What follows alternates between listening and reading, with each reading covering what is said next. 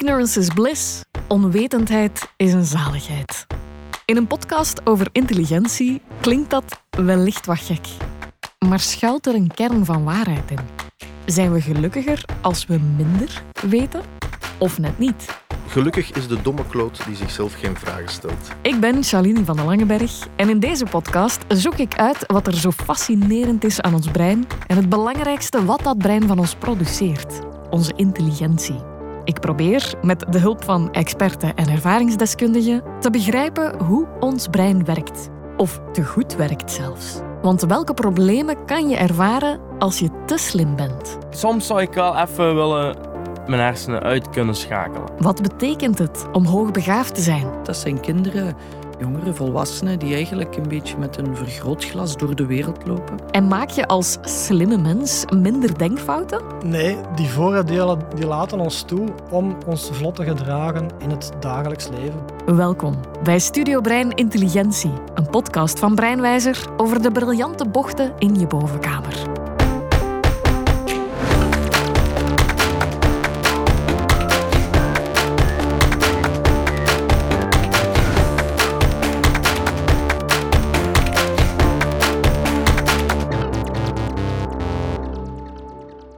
Albert Einstein, Leonardo da Vinci, Marie Curie.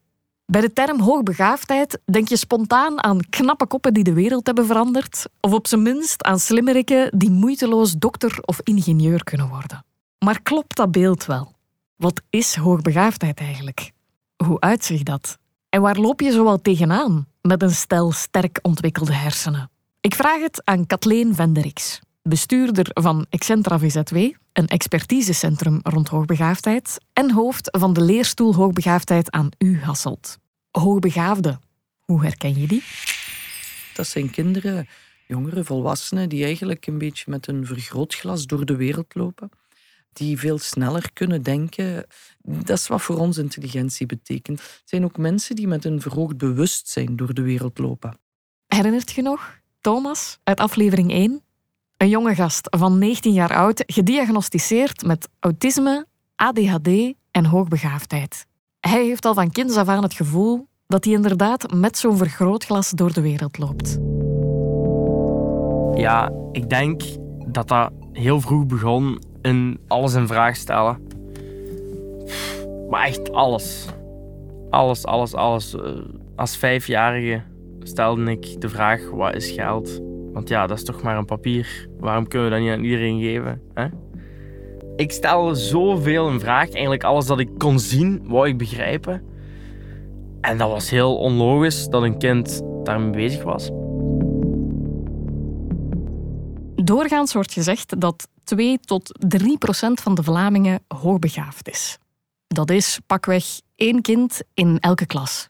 Maar dat percentage kan oplopen tot 10 procent of meer, afhankelijk van hoe strikt je die definitie interpreteert. De essentie van hoogbegaafdheid is een sterk ontwikkeld brein. Hoogbegaafden hebben zeer sterke cognitieve vaardigheden in vergelijking met leeftijdgenoten.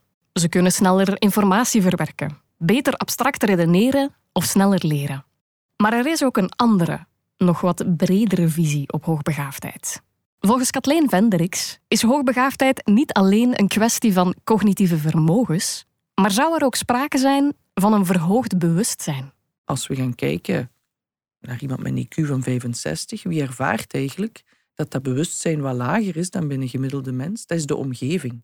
Die voelt eigenlijk onmiddellijk met zijn ellebogen aan van hou, die persoon denkt er wat minder fel over na dan wij. Maar als je naar de andere kant gaat kijken en je stelt u daar de vraag wie dat eigenlijk het meeste ervaart, dan is dat de persoon zelf. Want het is hij die eigenlijk onmiddellijk ervaart van oei, ik denk hier toch precies wat feller over na. Ik ben precies anders dan eigenlijk al de anderen. En ja, dat is wel behoorlijk fel eigenlijk. Soms kan ik het echt niet begrijpen hoe mensen zo kunnen zijn. Het kunnen blij zijn of het kunnen zich levendig voelen met, met naar mijn gevoel heel weinig uitdaging of heel weinig verrijking.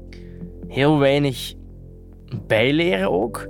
Gewoon rondlopen, werken, iets doen in hun vrije tijd. En dat is het. hetgene wat ik voel, het grootste verschil, dat is gewoon dat er precies heel veel dingen zijn die ik zie, die andere mensen niet zien. Precies alsof je ja, een beetje een breder beeld hebt. En ik heb dan heel vaak het gevoel alsof een heel groot deel van de mensen gewoon voor mijn gevoel rondloopt met kleppen voor hun ogen. En natuurlijk ben ik erachter gekomen dat dat niet per se het geval is. En dat die mensen niet met kleppen rondlopen, maar dat die die bredere hoek echt niet kunnen zien. Een verhoogd bewustzijn zou kunnen duiden op hoogbegaafdheid. En op basis van de hulpverlening die het expertisecentrum Excentra biedt, merkt Kathleen nog vier andere typische persoonlijkheidskenmerken op. Eh, wat we heel vaak zien is dat deze kinderen, of volwassenen ook, zich toch wel vaker anders voelen dan de andere kinderen of volwassenen. En dat heeft heel vaak te maken met wat wij noemen het zijn van hoogbegaafdheid. En dat zijn eigenlijk eh, vier elementen die daar altijd in terugkomen. En dat is één, dat die kinderen een heel sterk uitgesproken rechtvaardigheidsgevoel hebben. Het zijn ook kinderen die een heel grote gevoeligheid hebben. En die gevoeligheid die speelt zich af op twee fronten. En dat is één, in het maken van zorgen, maar dat is twee, in het aanvoelen van mensen. Ze stellen zich eigenlijk maar één vraag. En dat is, zegt de persoon die voor mij staat hetzelfde als wat hij denkt en voelt? En als het antwoord op die vraag ja is, dan kunnen ze perfect met u door een deur. Als het antwoord op die vraag nee is, dan is dat heel moeilijk. Een derde factor die daar speelt, is een heel kritische instelling. En dan een vierde factor, en dat is een extreem belangrijke. Dat is een heel hoge lat. En als je die vier factoren samen ziet, dan zien wij vaak kinderen ja, die zich toch wel eens wat anders voelen. En vanuit dat anders zijn, voelen die zich ook vaak wel eens wat dommer. Voor alle duidelijkheid, die persoonlijkheidskenmerken gelden niet noodzakelijk voor iedereen. En de correlatie tussen specifieke persoonlijkheidskenmerken en hoogbegaafdheid moet nog verder wetenschappelijk worden onderzocht. Maar voor Thomas klinkt de beschrijving van Kathleen alvast bijzonder herkenbaar. Ik heb ik weet niet hoeveel zotte kronkels in mijn kop die met gigantisch veel bezig zijn. Dat maakt ergens dat ik slim ben misschien, maar dat maakt ook op een ander vlak dat ik misschien heel dom kan zijn. Mensen denken echt, ah, die ziet iets één keer, die weet dat voor altijd. Of die weet hoe heel complexe dingen in elkaar zitten. Maar dat is niet, dat is niet zo. Of ja, toch bij mij niet. Op school, ik snapte ook niet altijd alles. Of ik uh, was ook niet overal direct mee mee. En bepaalde dingen waren omdat mijn hersenen dan anders in elkaar zitten of een andere, andere denkpad volgen, waren dan heel onlogisch. Dus dan kwam ik met heel ingewikkelde antwoorden voor iets super simpel. Of net andersom. Bepaalde dingen, bepaalde vakken waren vanzelfsprekend. Dat lukte gewoon. Dat, dat ging gewoon vanzelf. Maar voor andere vakken, die kon ik gewoon niet begrijpen of kon ik niet leren. Dus dat was ook heel frustrerend. Want mensen zeggen dan van, ah ja, allez, je bent slim. Maar dan zat ik wel ergens achter een boek wat ik totaal niet begreep en wat niemand mij kon uitleggen of zo. Ja, dat is heel mooi verwoord hoe dat de meeste mensen het aanvoelen. Hè? Wat we bijvoorbeeld zien bij hoogbegaafden is dat die heel makkelijk out of the box kunnen denken. Dus als jij sommige vakken voor je krijgt en die worden zo rigide als iets gegeven, daar kun je geen weg mee. Want je denkt, waarom is dit nu zo? Dat ziet je toch zo, kom aan, we kunnen dat ook daar en daarvoor gebruiken. En dat is zelfs heel moeilijk om daar uw aandacht bij te houden. En wij hebben ook begaafden die in een schoolsysteem totaal niet kunnen functioneren. Onderwijs is gemaakt voor mensen met IQ tussen de 85 en 115. Hè. Dat is niet gemaakt voor mensen met IQ van 130. Hè. Wij zien inderdaad enorm hoge cijfers van kinderen met uh, psychosomatische klachten, met schoolmoeheid, met demotivatie. Dat zijn ook net de kinderen die tot bij ons komen. Ook hier geldt, nuance is belangrijk. Zeker niet alle hoogbegaafden worstelen op school of zijn gedemotiveerd. De ervaring van Thomas geldt dus lang niet voor alle cognitief sterke kinderen. Er zijn veel verhalen. En sommige zijn bijzonder, zoals dat van Thomas, die met zijn meerdere diagnoses onder de categorie dubbel bijzonder valt, een specifieke subgroep van hoogbegaafden. Zijn diagnose en begeleiding hebben hem wel echt geholpen, zegt hij. Ja, vroeger was dat echt, echt vaak schreeuwen en wenen en op de grond liggen en slaan. Ik kon mezelf niet begrijpen en ik was boos omdat ik overprikkeld was en omdat niemand anders mij begreep. En vroeger was ik dan ook heel agressief, omdat ik niet wist waar ik naartoe moest met die energie. En ja, als je agressief bent, dan begrijpen mensen u nog minder. En heel ongelukkig werd ik daarvan. Echt diep, diep ongelukkig. Ik kon niet omgaan met mezelf. Mijn hersenen waren ook constant in een vechtmodus, overlevingsmodus. En ik had dan het geluk dat ik eigenlijk al heel veel begeleiding had. Doordat ze bij mij heel vroeg op jonge leeftijd uh, mijn diagnoses hebben kunnen stellen. En dat was ook waarom. Waarom zijn ze daar zo vroeg naar beginnen zoeken? Omdat ik gewoon ja, onhandelbaar was. Hoogbegaafden hebben eigenlijk evenveel begeleiding nodig als laagbegaafden. Hè? Wij vertellen dat ook soms tegen leerkrachten. Wat doet jij nu als jij in een klas zit en er blijft iemand zitten? Wat gaat men dan doen? Dan gaat men er eigenlijk alles aan doen om dat kind in zijn klas te laten passen. En ja, op de een of andere manier is dat bij die hoogbegaafden niet zo. Men denkt, kijk, weet je, als je een jaartje wilt versnellen, ja, zorg dan maar dat je bijgefietst feit zal, zal voor u toch wel gemakkelijk zijn. En dat is niet de juiste redenering. Die hebben juist evenveel begeleiding nodig als eigenlijk de andere kant. Mijn enige wens vroeger was om gewoon, gelijk een ander kind, u in te schrijven op een school en die gaat naar school. Ik wilde al die extra aandacht niet en al die extra problemen en dagelijks die strijd, wat het echt was, om gewoon mee te kunnen. Het klinkt best heftig als je het zo hoort. De schaduwzijde van intelligentie.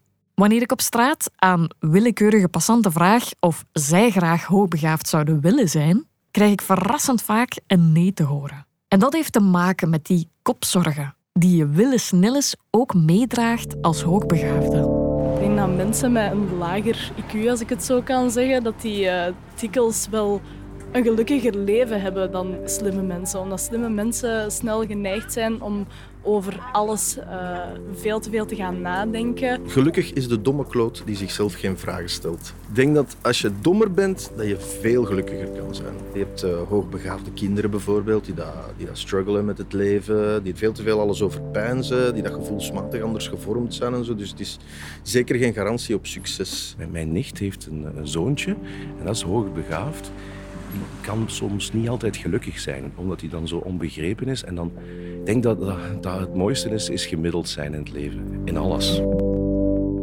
Gemiddeld zijn in alles als sleutel tot geluk. Klopt dat? Of dreigen we op die manier hoogbegaafdheid onnodig te dramatiseren?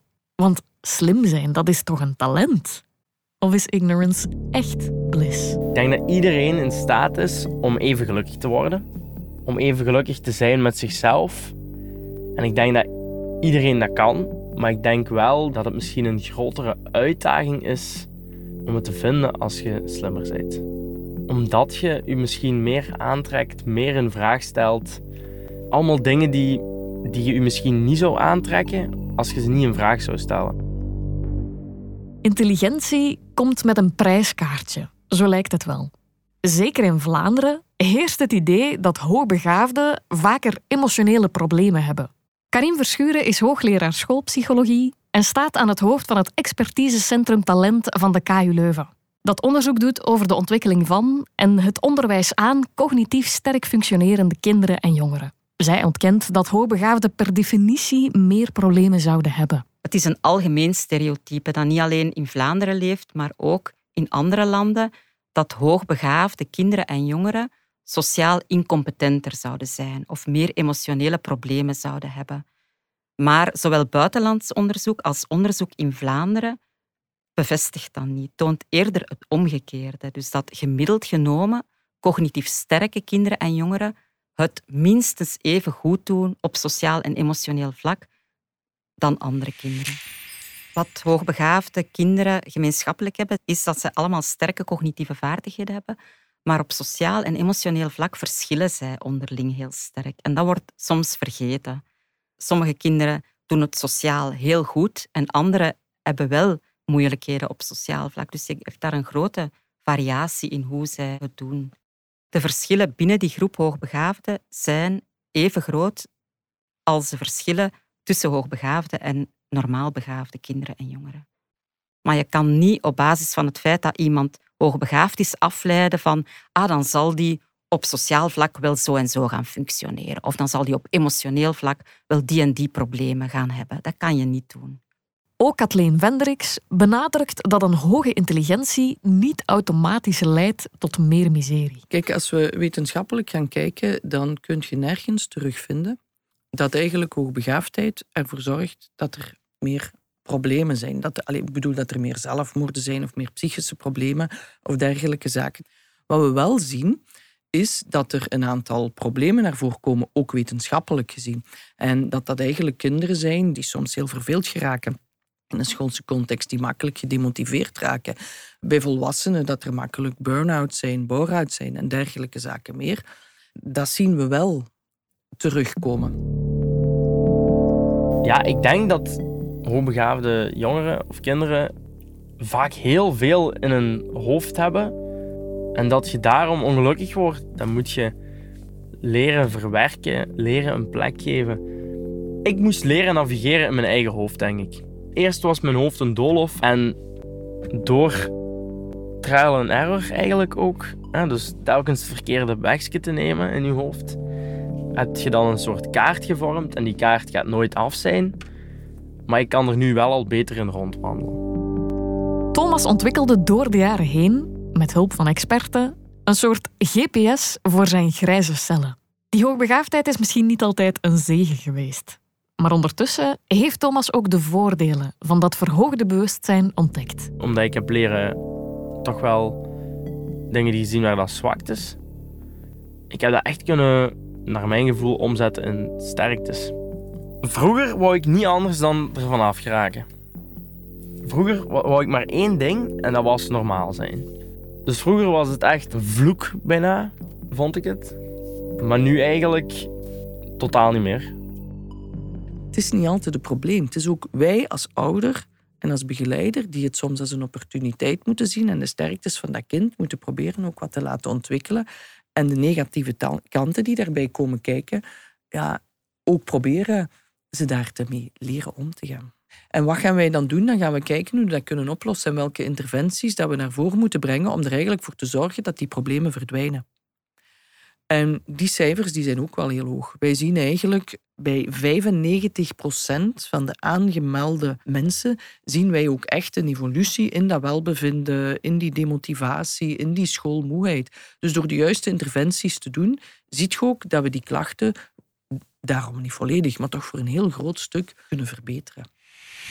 Kathleen pleit voor meer positiviteit als het aankomt op hoogbegaafdheid. Zij is er rotsvast van overtuigd dat een groot intellect geen belemmering vormt voor groot geluk. Integendeel. Als ik ga lopen en ik ben heel snel in lopen, dan zie ik, als ik achter mij kijk, dat ze achterblijven. En dan kan ik twee dingen doen. Dan kan ik zeggen, oh, ik blijf bij die ander lopen en ik babbel wat mee. Of oh, ik sprint door. Met denken is dat eigenlijk juist hetzelfde. Alleen kunnen we dat niet zo zichtbaar maken als ik dat vertel, maar lopen. Maar dat zou je als ook begaafde wel moeten kunnen. En dan heb je, als je dat kunt leren, dan ervaart je daar veel minder moeilijkheden mee. En dan wordt dat zelfs super plezant. Het is de normaalste zaak van de wereld, hè, dat er mensen zijn die sneller lopen, die beter tennissen, die minder goed tennissen, die sneller denken. En dat is een prachtig talent als je dat hebt. En dat is wat we die kinderen moeten leren. En dan zien we dat die daar ongelooflijk gelukkig ook mee kunnen zijn. Hè? Het zal wel zijn. We mogen blij zijn met ons brein. Met alles, of ondanks alles, dat erin zit.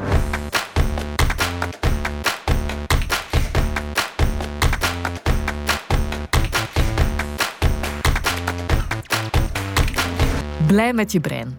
Allemaal goed en wel, maar alles kan beter. Onze hersenen zijn verre van onfeilbaar. En hoogbegaafd of niet, we vallen allemaal geregeld een prooi aan denkfouten.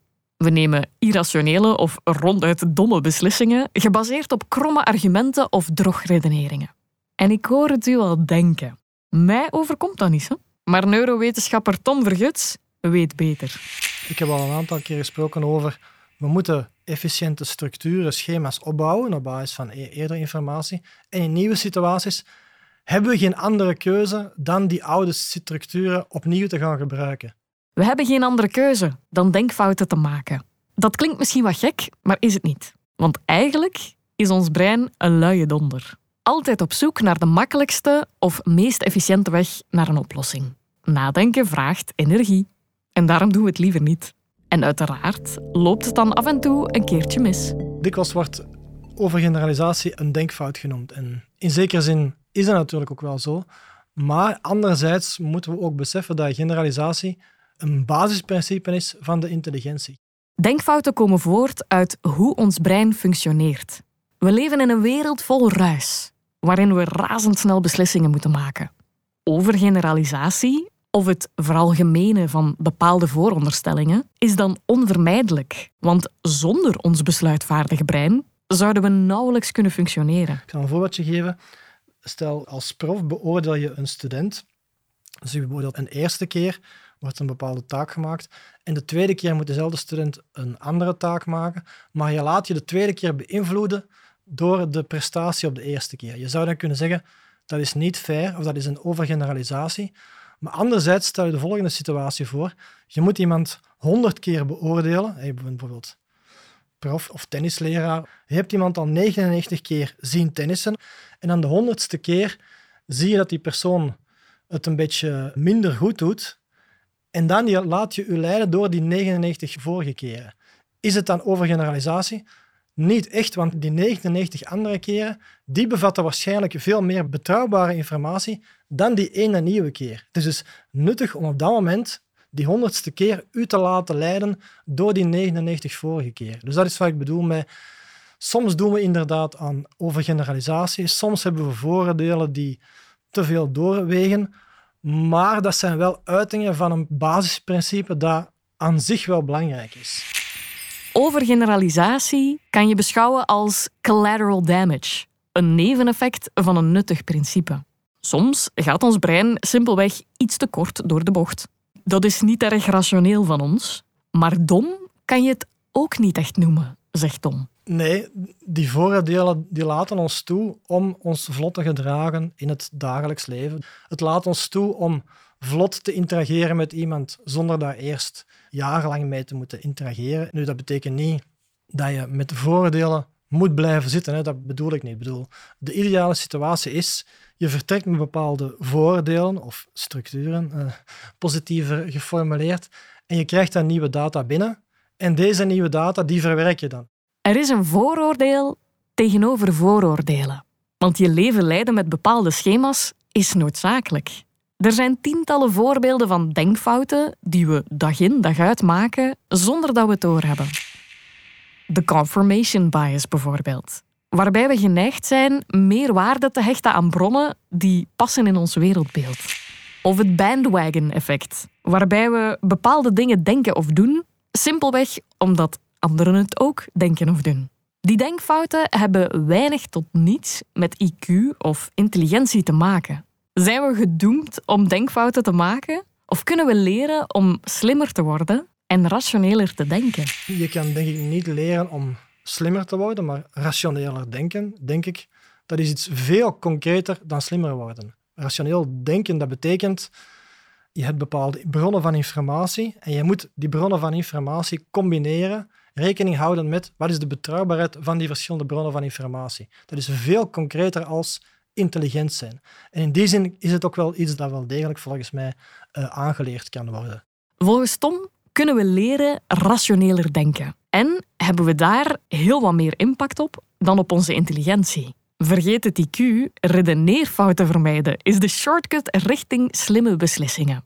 Al zijn ook daar de meningen verdeeld. En zouden we volgens gedragseconomen de irrationaliteit van ons brein nauwelijks kunnen vermijden. En dan maakt het zelfs niet uit of je nu een Einstein, Da Vinci of een Curie bent. Ons brein legt ons allemaal geregeld een keertje in de luren. Dit was aflevering 4 van Studio Brein Intelligentie. Een podcast van Breinwijzer over de geweldige kronkels in ons hoofd.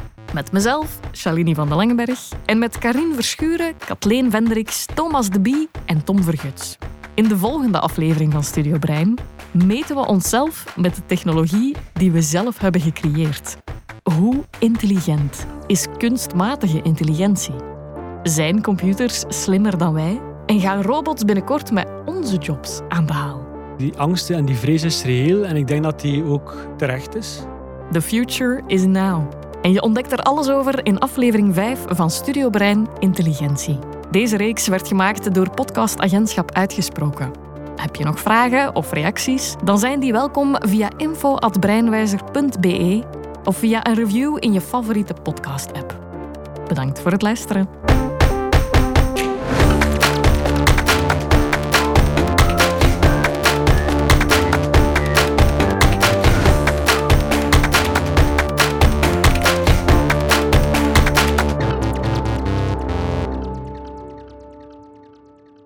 Hallo daar. Vond jij deze podcast over intelligentie ook zo interessant? Ik ben Liesbeth Gijssel, hoofdredacteur van EOS Psyche en Brein. Dat is een tijdschrift over psychologie en hersenwetenschap. Wil je na het beluisteren van deze podcast op de hoogte blijven van het onderzoek naar alles wat er speelt in ons hoofd? Wil je als eerste lezen over nieuwe doorbraken en inzichten? Schrijf je dan in op de nieuwsbrief van Psyche en Brein op www.eoswetenschap.eu. Dat is www.eoswetenschap.eu www.eu